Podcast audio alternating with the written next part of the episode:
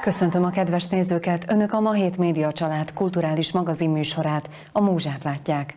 Mai adásunkban a kiskálosai származású Varga Anikó színművésznő életútját ismerhetik meg, aki Budapest és Pozsony után Kassán rendezte be életét. Játszik magyar és szlovák nyelven, színházban, filmben, tévésorozatban és kampányvideókban is. Története élő példa a kitartásról, az alázatosságról, és arról, hogy hinni kell az álmainkban. Köszönöm, hogy elfogadtad meghívásunkat, szervusz! Köszönöm szépen a meghívást, és kedves nézőket is szeretettel üdvözlöm! A magyar és a szlovák, a színházi és a televíziós, illetve a szlovákiai és a magyarországi közönség számára is egyaránt ismerősen cseng az, hogy Varga Anikó színművész. De azt nagyon kevesen, vagy alig néhányan tudják, hogy milyen út vezetett a Pozsonyi Színművészeti Egyetemig. Hosszú. Ott kezdődik, hogy hogy Kiskáros egy nagyon pici zsákfalu a Váj völgyén, Rimaszombat és Tornaja között. Emlékszem, hogy volt egy Rómeó és Júlia film a Franco Zeffirelli, ami olyan erős benyomást tett rám, hogy ez így, ez így valóban végig kísért. Akkor éreztem, ez hat éves lehettem, hét, akkor éreztem először, hogy fú, hogy ezt én nagyon szeretném, hogy én szeretnék ott lenni ebbe a történetbe. És valahogy innen indult, azt hiszem, ez a, ez az ambíció, ez a vágy, hogy, hogy színészként szeretném élni az életemet. Nem vette sok ember komolyan a környezetembe. Hozzáteszem, a saját szüleim sem támogattak, tehát jó-jó, de akkor mégis csak valami normális pályában kéne gondolkodnom. De azért volt egy-két ember, és arra egy-két felnőtt, és arra nagyon-nagyon tisztán emlékszem, hogy ki volt az, aki azt mondta gyerekkoromban, hogy de hát miért ne lehetne színésznő? Tornajára jártam alapiskolába, én egy mezőgazdász családból származom, ez az intellektuális vonal, ez nem volt meg a családunkban, Úgyhogy nekem, nekem kialakult nagyon korán egy ilyen titkos vágy. Én nagyon szeretem a könyveket, és minden könyv, ami volt otthon, azt úgy gyűjtögettem, olvastam, simogattam, nagyon-nagyon szerettem, mert hát ez egy, az olvasás az nem volt munka, úgyhogy az, az volt munka, aminek volt végeredménye, hogy valamit fizikailag csináltunk.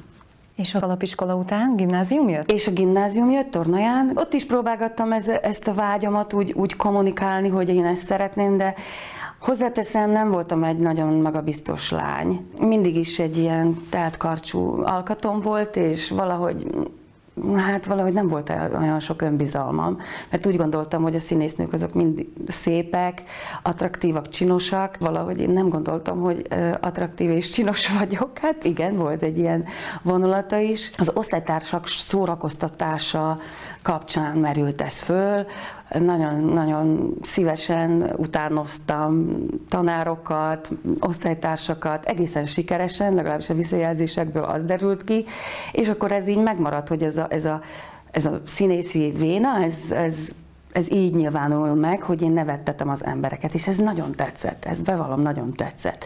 És aztán, amikor negyedikben már el kellett dönteni, hogy hova, akkor hát én nem tudtam mást kitalálni, mint a színművészetit. Szerencsére lett egy társam, az egyik osztálytársam szintén ilyen ambíciókkal volt, és elmentünk együtt a főiskolára, Pozsonyba felvételizni, és akkor ez nem jött össze, az első kör után kiestünk, de nekem egy akkora élmény volt, hogy fú, hogy én ezt akarom csinálni, csodálatos, varázslatos volt a, a, a, a a jelenlét, az ott lét abban azokban a fényekben, ott abban a pillanatban. Júniusban volt egy egy hirdetés, amit a Kassa Itália Színház adott föl, hogy ifjú színészeket, növendékeket keresnek, és akkor én titokban beadtam a felvételire a, a kérvényemet, elmentem titokban, a bátyám volt velem egyedül, és hát ott ez sikeres volt ez a felvételi, felvettek, és emlékszem arra az érzés, hogy atya úristen, ezt hogy fogom elmondani otthon?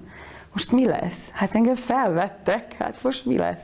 És ez azt is jelenti, hogy akkor a színészi pálya Kassán kezdődött? Igen, igen, igen. 92-ben a Kassa Itália Színházban fölvettek. Mi mindent csináltunk a színházban, tehát úgy kezdődött, hogy színészi státuszba vettek föl minket, de a színészi tréning az, az azzal járt, hogy súgó, ügyelő, minden háttérszakmát kipróbáltunk, és minden háttérszakmát megtanultunk, és ez egy érdekes folyamat volt, mert nagyon sokan lemorzsolódtak, viszont akik ott maradtak, azok mai napig színházban dolgoznak, és a színház közelében vannak. Olli Erik, Cajlik József például, ők voltak, akik abban a, akkor felvételiztek velem. És már ebben az időszakban is szerepet kaptál? Kassán? Persze, igen, igen, igen. Kisebb szerepeket. Az első, az, első az, az egy az egy szobalány szerepe volt, a jövőre veled ugyanitt. Tehát Kassán Natáliában volt néhány év, de aztán mégiscsak bekerültél arra a színművészeti Igen, egyetemre. Negyedszerre. Stresszes voltam, lámpalázam volt, ezért nekem csak negyedszerre sikerült a felvételi úgy érzem, hogy akkor érettem meg arra, addig valójában a felvételekből semmire nem emlékeztem. Tehát valahogy mindig nagyon erős volt bennem a teljesítés kényszer, és soha nem tudtam megmutatni önmagamat. És mindig azt akartam megmutatni, hogy, hogy mi az, amit én tudok, mi az, amit én tanultam, hogy játszik a, a Kövesdi Szabó Mária és a Jónás Gavi, de nem, nem tudtam azt, hogy a legfontosabb az, hogy én ki vagyok. És ez egy nagyon-nagyon fontos dolog volt a felvételén, amikor, amikor azt hiszem, hogy először hallattam a hangomat, a saját hangomat. És amikor bekerültem az, a, a főiskolára, mert az osztályfőnököm, az Emil Horvát, ő azt mondta, hogy aki negyedszerre van itt felvételizni, és látszik rajta a fejlődés, annak, annak meg kell adni az esélyt, hogy erre a főiskolára bekerüljön. Én nagyon hálás voltam ezért neki. És egyébként a, a három kudarc után nem merült föl benned az, hogy esetleg Magyarországon próbálkoz? Hogy anyanyelveden kezd el tanulni a szakmát? Számomra a magyarországi szakma, hát amit a tévében láttam addig, a Máté Gábor felvételiztetett, hát szerinted én azt, hát, hát azt se tudtam, hogy ki vagyok. Tehát, hogy annyira meg voltam illetődve, hát nem sikerült ez a felvételi. Um, de valahogy igen, tudom, azért voltam talán kitartó, és azért jöttem mindig Pozsonyba, mert én a négy alkalomból háromszor az utolsó körben estem ki. És ez valahogy úgy motivált, vagy úgy reményt adott. Tehát egy fővárosi szlovák közegben sajátítottad el a szakmát. Az egyetem elvégzése után is ebben a közegben maradtál? Igen, igen, négy évig ö, szlovák környezetben maradtam. Volt egy olyan szándékunk a főiskola után, hogy, hogy ezt a műhelyi munkát ezt folytassuk, és ennek én meg akartam adni a lehetőségét, és ezért ott maradtam Pozsonyba közelebb az osztálytársaimhoz, hogy ez a munka esetleg folytatódhasson, de nem folytatódott, mert valahogy elsodort minket az élet, és aztán én elkerültem a Radosin Színházba, illetve szabadúszóként több színházba, az Asztorka Színházba, a Nemzetibe vendégszerepeltem. És hogy kerültél mindezek után Budapestre? Tehát mikor jött először az az érzés, vagy az a vágy, hogy most már magyarul szeretnél játszani? Egyszer csak jött egy telefon. A főiskola alatt készítettünk egy előadást, egy sikeresnek mondható előadást, amit a Cajlik József rendezett, és ezzel sok fesztivált bejártunk, és több díjat nyertünk, és ellátogattunk, vagy meghívást nyertünk a posztra. Ez egy egyetemi színházi találkozó volt, és annak az volt a, a az volt a díja, hogy a, a nagy országos színházi fesztiválon eljátszhattuk kétszer az előadást. És itt láttak azok az emberek, akik aztán később fölhívtak. Ez volt a Bárka Színház vezetősége, Bérces Laci, illetve Csányi János, a színházigazgató, és és hát akkor volt egy szándék Bárka Színházba, hogy, hogy külhoni magyarokat toboroztak, és így kerültünk mi is oda felvidékről többen, Olli Erik, Cajlik József, Lucskai Róbert,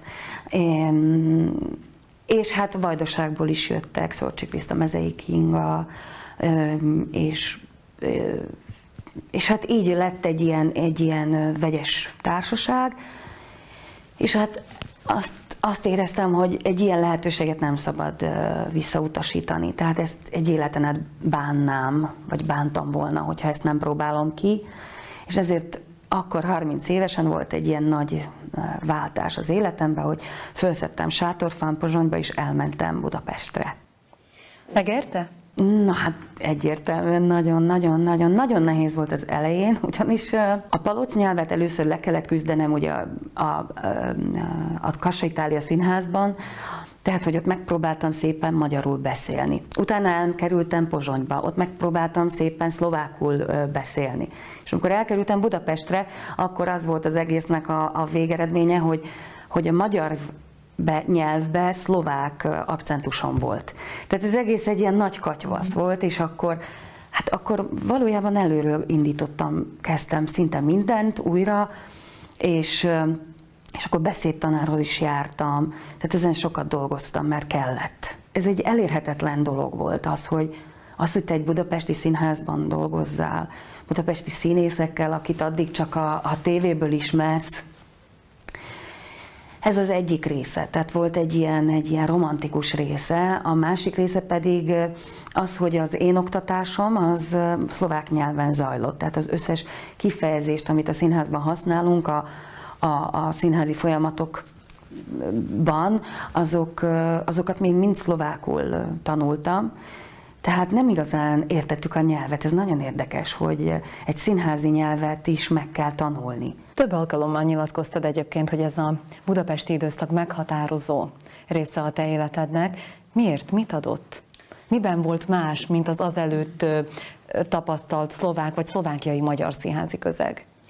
A Bárka Színház abban az időben, amikor én ott voltam, azért, azért így, így próbálta feszegetni a határokat, tehát egy kicsit egy ilyen kísérletező színház felé is próbált menni, illetve voltak klasszikus előadások is, de egy ilyen, egy ilyen pesgő, izgalmas közeg volt. Ugye fiatalok voltunk, és nagyon erős volt bennünk a vágy, nagyon-nagyon sok volt az, a, a, a, az energia, és a különbözőek voltunk, és ez a különbözőség is hozta magával az állandó inspirációt, és ez nekünk rendkívül sokat adott. Szoktam mondani, hogy mai napig abból táplálkozom, abból a sokszínűségből, amit ott tanultam és ott láttam. Mikor ért véget ez az időszak, és miért? Ez a Bárka Színház megszűnésével ért véget 2016-ban, és hát ez egy ilyen hosszabb folyamat volt, és nem tudom mai napig, hogy, hogy, hogy ez miért is alakult így. Ez egy nagyon nagy kudarcos élmény volt. Évekig nem tudtam összeszedni magam. Igen. Ez... És volt visszaút Pozsonyba? Um, hát a Jóisten az, az elképesztően kitalálta az én sorsomat, vagy vezeti, vagy nem is tudom, hogy ezt hogy, hogy is magyarázzam. De a furcsa az volt, hogy az utolsó fázisban, amikor már tudtuk, hogy már ez nagyon nem, nem megy előre, ez a szekér, a bárka szekere, jött egy meghívás Pozsonyból.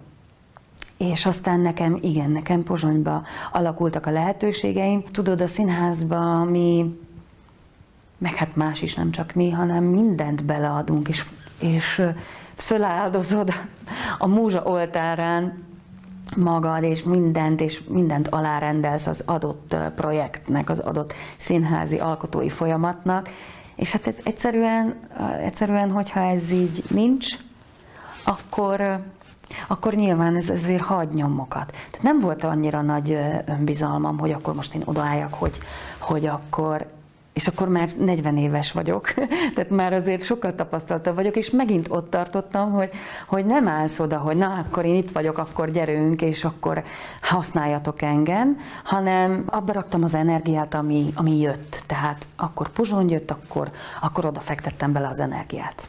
A Kassai, majd a felvidéki magyar közönség a Tália Színház Portugál című előadásában láthatott újra. Ezt a sikerdarabot Dudás Péter rendezte. Évtizedek óta kísérem a pályáját, és hát volt, amikor együtt dolgoztunk, volt, amikor évekig mm, szlovák színházaknál volt, de mm, mindig figyeltem, hogy mm, hol tart színészileg, és mindig elégedettséggel nyugtáztam, hogy Anikó egy remek színésznő. Egy nagyon érdekes alkat, és talán az, hogy ő vidékről jött, hogy sokat látott, ugye látta, ismeri a vidéket, ismeri az egyszerű embereket, bejárta a nagyvárosokat, Kassa, Pozsony, Budapestet értve ez alatt, és nagyon sokat szedett össze, nyilván nyitott szemmel jár a világban, és egy színésznek tudnia kell felszedni ezeket a szemeket a világból, és azt hiszem, hogy ő ezt jól tette. Anikóval bármikor, és azt hiszem, ezzel mindent elmondtam. Gyakorlatilag Péter, illetve ez a beugrás hozott vissza Kassára? Igen, ilyen jött egyszer csak egy telefon, hogy a Szoták Andi elszerződik, és hogy lenne itt egy feladat. És aztán jöttem, igen, és akkor ez, ez, ez a találkozás, ez meghatározó volt. A, onnantól kezdve, az visszamenőleg ez öt éve volt. Az előadás után pedig megismertem a mostani férjemet. úgyhogy, úgyhogy ez is hozzájárult, hogy én, én nem egyszer csak kassába kezdtem el gondolkodni. Pozsonyba visszajárok vendégként, de, de a főbázis az kassa lett. Ugye 2018-ban Bértes Lászlótól névre szóló meghívást kaptál a Tália Színház egyik előadásába. Linen szépéről van szó, mi több címszerepben láthatott újra Tália közönsége, azt hiszem 25 év után. És ugye ebben a darabban egy érzelmileg sérült, a zsarnok anya uralma alól kitörni képtelen 40 esztüzet alakítasz. És valószínűleg sokunk számára ez a játék egy meghatározó élmény veled kapcsolatban. Én is így vagyok ezzel. De azért adódik a kérdés, hogy ilyenkor az ilyen karakterek megformálásához mennyire kell mélyre menni saját magadban. Gondolom az a, az a szonda azért az kell ahhoz, hogy hiteles tud lenni. Mm. Igen, hát ott azért nagyon mélyre kellett a, a, a sötétebb oldalra kellett tekinteni, hogy mindaz az elfolytás, amit ez a nő elszenvedett, az milyen módon tükröződik ki. Én nagyon szeretem ezeket a kihívásokat. Hát azt gondolom talán, hogy ezért is kevesebb színész jár talán pszichológushoz, mert egy ilyen szerepben nagyon sok mindent bele tudsz tenni. Saját élményeket, újra földolgozod, újra előbányászod, amit általában az ember el akar titkolni mások előtt, és a saját önmaga előtt is, és hogy jó, jó, jó, akkor ezt már feldolgoztam, azokat ilyenkor elő kell kaparni, és ezekből dolgozunk. És ezt ilyenkor mindig arra gondolok, hogy, vagy úgy érzem, hogy ez egy ilyen pszichoterápia. Ha jól tudom, évekig érlelődött benned H. János a Halott ember című darabjának színpadra vitele. Ezt is kassán mutattad be. Ugye ez több monológból áll, de te monodrámaként adtad elő, és két nyelven. Ez nehéz vállalás lehetett. Igen, és ez így talán hozzá kötődik ahhoz az élményhez, amiről már meséltem, ehhez a bárka, kiszolgáltatottság, kudarc, ez azt ébresztette föl bennem, hogy, hogy ezt a kiszolgáltatottságot csökkentsem. És akkor újra szabadúszó lettem, és már nem volt egy anyaszínház fölöttem, aki eldönti, vagy lehetőségekkel kínál meg, hanem egyszerűen, mint egy magánvállalkozó, önmagam vagyok a termék, elkezdtem gondolkozni azon, hogy én miben rakjam az energiáimat, mit látok, hogy mire lenne szükség, akár itt felvidéken, és én nagyon sok mindent megláttam, hogy, hogy hogyan tudnám, hogy mennyi dolgunk van. Most térek vissza a halott emberhez, hogy valóban ennek a munkámnak a folyamata, vagy a önmagamról való gondolkodás folyamatában jöttek olyan ötletek, hogy szeretném kihívás elé állítani önmagamat, és hát mi az igazi kihívás önmagamnak, hanem az, hogy egy, hogy egy ilyen monodrámát kétnyelvűen megcsináljak, ami szerintem őrületes vállalás, nem is gondoltam bele, amikor ezt kitaláltam. Nem volt még ez a tapasztalásom. Nagyon nehéz volt, de nagyon-nagyon nagyon hasznos és nagyon jó élmény volt. Ugye most a járvány az teljesen felforgatta az életünket és a Kassai Itália Színházban, ugye, hogy a többi színházban sem volt már hónapok óta előadás, de ennek ellenére az idei évad tervezetében azért van egy-két szereplős darab, ami Kövesdi Szabó Máriával kapcsolatos. Erről, ha nagyon röviden hallhatnánk néhány mondatot. Igen, valóban elkezdtünk a Tália Színházba ősszel egy gyönyörűséges darabot próbálni a, a Kövesdi Szabó Marikával. Tom Ziegler, Grace és Gloria, és a történet arról szól, hogy a, van egy idős hölgy, aki sajnos halálos beteg, és az utolsó két hetéről szól ez, az, ez a történet. Az én szerepem egy hospice segítő, aki meglátogatja ezt a mm, idős hölgyet, és az utolsó két hétben mellette van és segíti. És erről a hospiszos hölgyről is kiderül, hogy egy nem véletlenül hospice, mert elveszítette egy évvel ezelőtt a kisfiát. És végig szaladt rajtam a hideg, hogy mesélek róla, mert a, az előadás annyira erősen van megírva, hogy nagyon pontos, nagyon pontos, érzelmileg ezek, ezek a folyamatok, nincs benne semmilyen pátosz, nagyon sok, tele van élettel, nagyon sok benne a humor, és úgy érzem, hogy Marikával ez egy nagyon nagy találkozás. Rendkívül várom, hogy, hogy élőben is meglássák a nézők, mert szerintem rendkívül élmény lesz. Hát a színházi pálya után most akkor térjünk rá a televíziós filmes pályára. Mikor kaptad az első filmes munkát, vagy televíziós munkát? 1992-ben.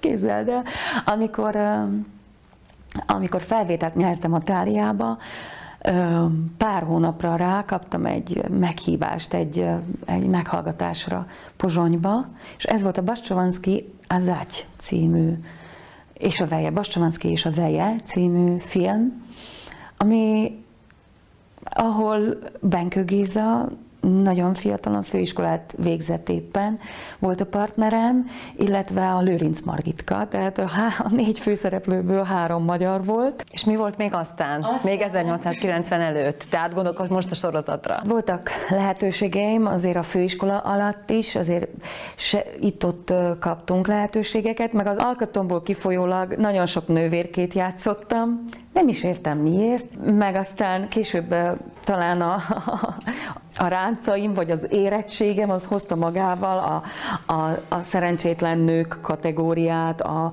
egyedülálló nők, a, az elhagyott nők, tehát van egy ilyen vonalam is, úgyhogy voltak azért lehetőségek, de igazán nagy feladat az már az általad említett 1890 ben volt. Tehát azt mondjuk el, hogy a, a szlovák kereskedelmi televízió, tehát a Joj televízió egyik betléri kastélyban forgatott sorozatáról van szó, hogy az 1890, ahol téged Zsófia Visznyevszka grófnőként ismerhetett meg a közönség, illetve Szerintem talán ekkor ismert meg igazán a, a szlovák közönség is, és a televíziós közönség. Ekkor játszottál először kosztümös filmben? Igen, igen, azt hiszem, hogy igen, igen. Ha jól emlékszem, igen. És hát az nagyon-nagyon-nagyon nagy dolog volt. Hozzáteszem azért is, mert Gömörben forgattunk. Az első forgatási nap az úgy zajlott, hogy a, az akkori igazgató, a Bárci Gyula fogadott magyarul, Nekem ez is persze nagyon, nagyon kedves volt. Nem ismertük egymást, bemutatkozott, magyarul fogadott, és kinyitotta a Betléri kastély ajtaját, és azt mondta, hogy érezd magad itthon. És ez annyira kedves volt, és ez úgy megmaradt bennem, hogy, hogy valóban otthon éreztük magunkat, és valahogy így, hát csodálatos volt, hogy bemehettünk a, tudod, a, a kötél mögé, leülhettünk, megfoghattunk dolgokat, persze csak kesztyűbe, és nagyon óvatosan, de szóval azért nem fogdoshattunk mindent, mert aztán rögtön ott volt egy fehér kesztyű segítő, aki mondta, hogy majd én, úgyhogy eh, nagyon odafigyeltek, de hát ez nagyon-nagyon nagy élmény volt, hogy egy ilyen, nem egy stúdióban, nem egy kasírozott eh, háttér előtt játszol, hanem egy valódi kastélyban, ahol a, a szellemük, az, az energiájuk, az szerintem még mindig ott van, tehát hogy az, az, az, az egy egészen más közeg. Egy és ilyen... grófnőt? Hát igen, igen, és hozzáteszem, nagyon izgalmas volt a szerep. És aztán egy évvel később, 2018-ban Szlovákia a legnézettebb kereskedelmi tévécsatornája, a Markiza adott egy újabb lehetőséget talán, hogy még jobban megismerjenek a nézők, és ez a munka mai napig tart. A Finn License alapján forgó Nővérkék című tévésorozat az ápolónők munkáját és életét tárja a nézők elé. Anikó az egyik nővérkét, Tányát alakítja. V princípe sme dosť dlho hľadali a nemyslím, že či Aniko alebo všeobecne všetky štyri sestričky a išlo nám o takú vzájomnú chémiu medzi sebou, aby vedeli vlastne, aby naozaj vedeli vytvoriť takú partiu, ktorá vlastne v tom seriáli je, lebo vlastne táto energia je podľa mňa prenosná a tým pádom aj na tom placi to veľa lepšie funguje, keď, keď proste viem, že naozaj tie, tie štyri baby vlastne fungujú spolu. A druhá vec bola, že, že či, nebolo to chtiac, ale v princípe každá táto naša sestrička nejakým spôsobom vo svojom živote reflektuje aj príbeh týchto reálnych sestričiek fínskych, čiže vlastne trošičku boli ako keby nimi. Dobrý deň, tu je Táňa Šultisová, traumatológia. Je to proste láhoda pracovať proste s ľuďmi, ktorí vás obohacujú. A vlastne je to nejakým spôsobom tvorba aj na tom placi. Nie je to len o tom, že si vymyslíte, ako by to malo vyzerať tá scéna, ale prídete vlastne na s nejakou predstavou a ona sa ešte posunie vlastne tým vstupom tých hercov. A, a musím povedať, že mali sme šťastie, že máme vlastne takéto štyri sestričky, ktoré navzájom sa vedia ako keby aj potiahnuť, motivovať, inšpirovať a vedia vlastne posunúť tie situácie. Sú to v podstate tvorcovia. Ja si myslím, že Aniko je vnímaná ako slovenská herečka, je poznaná ako slovenská herečka. Skôr si myslím, že pre slovenských divákov je to menej známe, že ona teda hráva aj maďarsky. Ona vyžaruje určite taký pokoj, taký, taký kľud v sebe, a aj keď možno by sa teraz zasmiela, ale myslím si, že ona je, je ako tým stelesnením archetypu charakteru, ktorý je ako veľmi podstatný v tých príbehoch. Z nej cítiť strašnú emóciu, ktorú vlastne ona vie odozdať tam a všetko tak prežívať cez seba a tým pádom je to veľmi, veľmi uveriteľné a reálne, čo je veľmi dobrá vec a veľmi povzbudzujúca vec a pomocná vec pri tej tvorbe a nie každý herec to má toto. A vlastne je to o tom, že tým, že ona tam dostáva aj tú časť svojej osobnosti, tak sa stáva unikátnou. Ale zároveň nie je to také, že by to prehúšovalo, že toto som ja, Aniko, a až niekde v druhej, v druhej vrstve vidíme tú Táňu, povedzme. Je to veľmi ako keby, je to tá naša Táňa, ktorá je ale kus z nej Aniko. Ráta sa s tým, že ak by tá štvrtá séria bola úspešná, tak si myslím, že sa pôjde aj do ďalšej série lebo Fíni majú, majú ich 8 teraz, čiže je z čoho čerpať. A Aniko tam, teda tá postava tej Táni tam má v tej 5. sérii veľmi zaujímavý príbeh, tak si myslím, že ak, tak sa, ak sa toto dá považovať za nejaké plánovanie za Aniko, tak, tak o tomto viem, že je to teoreticky možné. Ez a lehetőség hogy jött? Szintén meghallgatásnak köszönhetően. Szlovákiában kicsi a szakma. Mi színésznők ismerjük egymást, tehát tudjuk azért nagyjából, hogy kik az én, ki, ki az én konkurenciám és valahogy azért vannak lehet, minden, mindenki megkapja időről időre a saját lehetőségét. Úgyhogy nincs ez a nagy erő, nagyon erős rivalizálás. Ez különben Budapesten kicsit másképp van, mert, mert azért ott 30 színésznő van, lehet, hogy jobb is, mint én, tehát hogy sokkal, sok, a szakma sokkal, um, hogy mondjam, keményebb ilyen szempontból ezért is a meghallgatások sokkal nehezebbek, komolyabbak, sőt, még meghallgatásra is nehéz bejutni.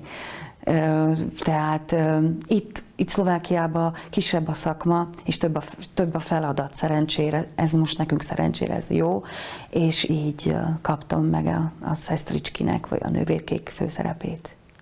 És miben különbözik egyébként a színházi, a filmes és a tévés munka? Tehát, hogy másfajta játékstílust követel a kamera és a színpad? Én azt tapasztaltam, hogy a folyamat, a belső folyamat nagyon hasonlít a színházihoz, mégis az, amit én mutatok a kamera előtt, az sokkal-sokkal kevesebb kell, hogy legyen.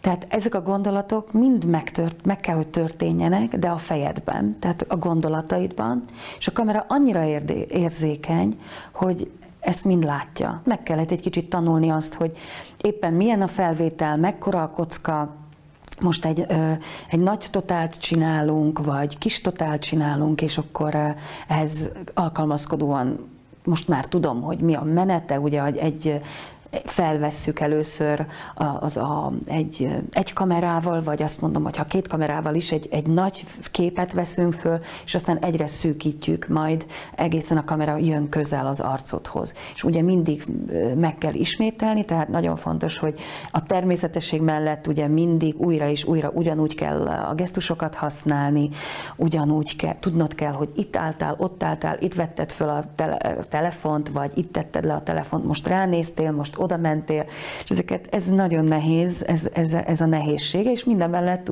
minden mellett ezt úgy tenni, mintha először csinálnád, miközben már 25-ször csinálod.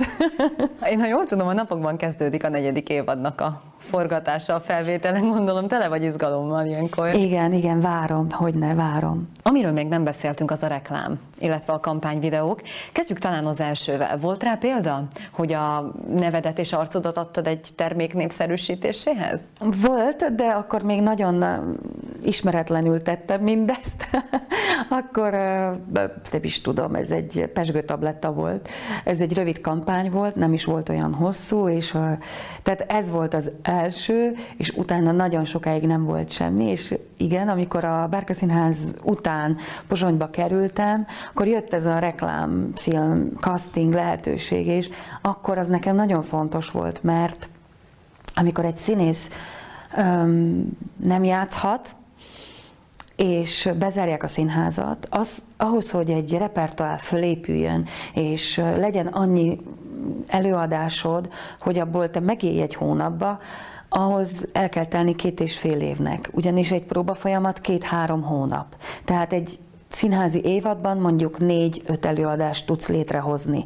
És ahhoz, hogy minden előadás kétszer menjen havonta, ahhoz kell, hogy legyen legalább 5, 6, 8 nyolc előadásod. Ez a reklámszerep nekem lehetőséget adott arra, hogy, hogy, hogy hogy ezt az időszakot áthidaljam, amíg előadásokból ö, tudom magamat finanszírozni.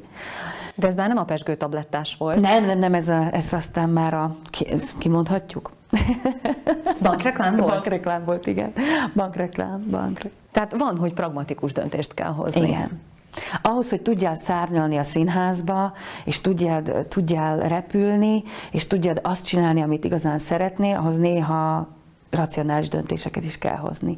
De hozzáteszem, ez nem volt annyira kellemetlen, vagy nem volt egy olyan, nem, nem, nem azt mondom, hogy most akkor a, a, minden a szívem vágya a reklámokban szerepelni, de, de ez egy olyan reklám volt, mivel történetek voltak, és volt egy pár, és szituációk voltak, ezért nem, nem éreztem kellemetlenül benne magam.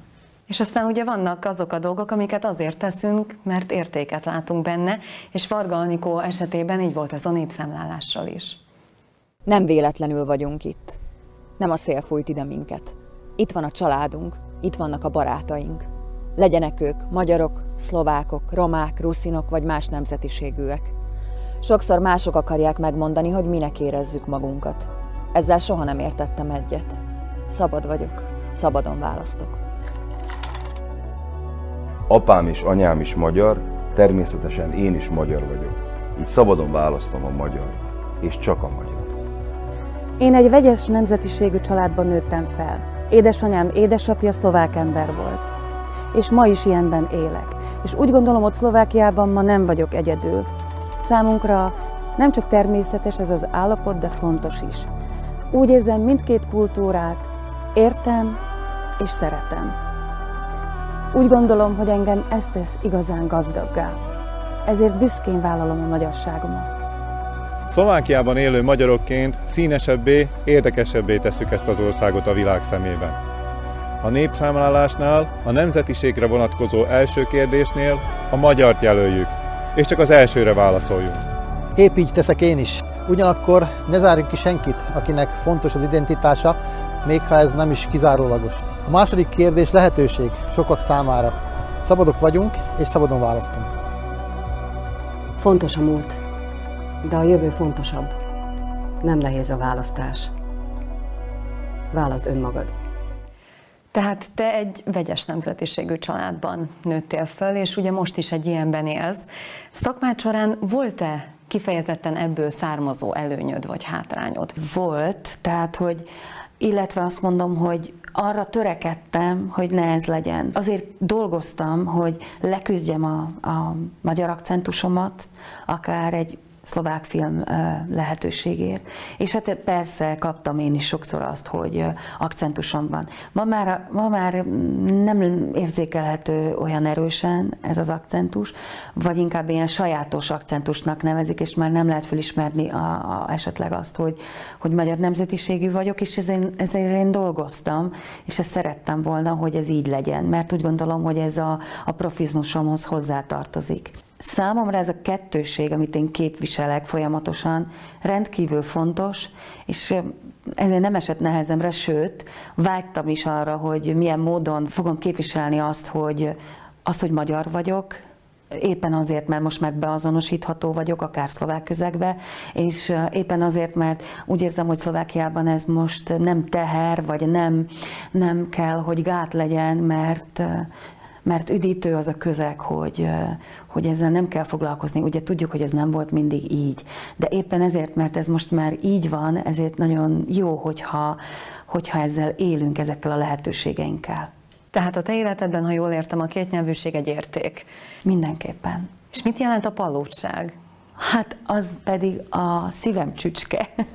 az, az mindent fölülír. Nagyon érdekes, hogy amikor jövünk hazafelé, ugye van már csak egy kilométerre van egy ilyen elágazás, és amikor én ezt, ezt az egy kilométeren így befordulunk, úgy felénk, akkor egyszer csak így váltok palócra. Az a közeg nekem maradjon meg, az a közeg az igazán én vagyok.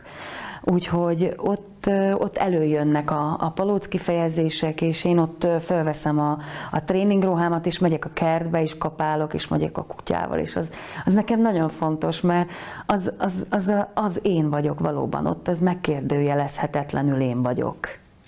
Most mindezt összefoglalva, tehát Kiskálosa, Tornalja, Pozsony, Budapest, majd újra Pozsony után most már Kassa az a hely, ahol otthon érzed magad? Mindenképpen férhez mentem a múlt évben, Kassára. Igen, igen, úgyhogy minden úgy tűnik, hogy nagyon nagyon tetszik a közeg, nagyon szeretem a várost, szeretem a színházat, szeretem, hogy igen, hogy Kassán van több színház is, tehát erre is van lehetőség.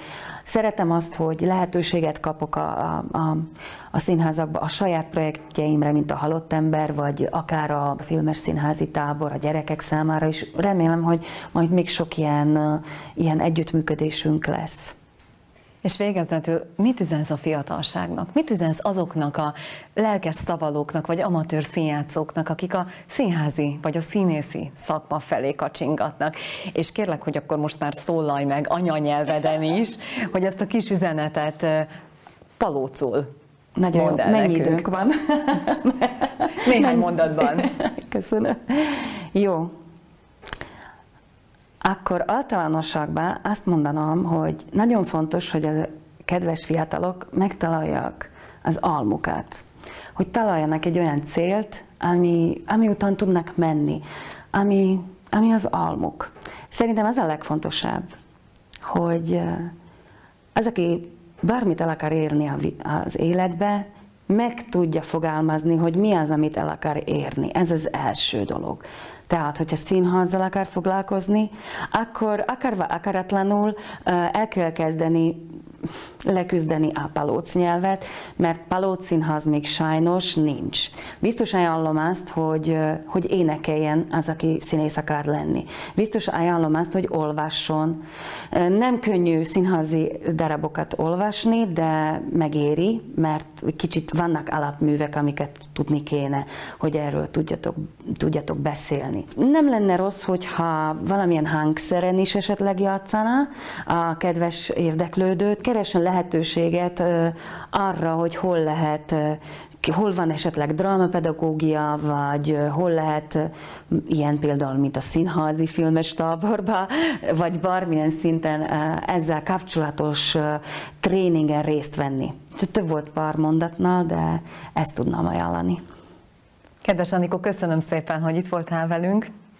Én köszönöm nagyon szépen, Emese, hogy gondoltatok rám. A nézőknek pedig köszönöm, hogy velünk tartottak. A viszontlátásra!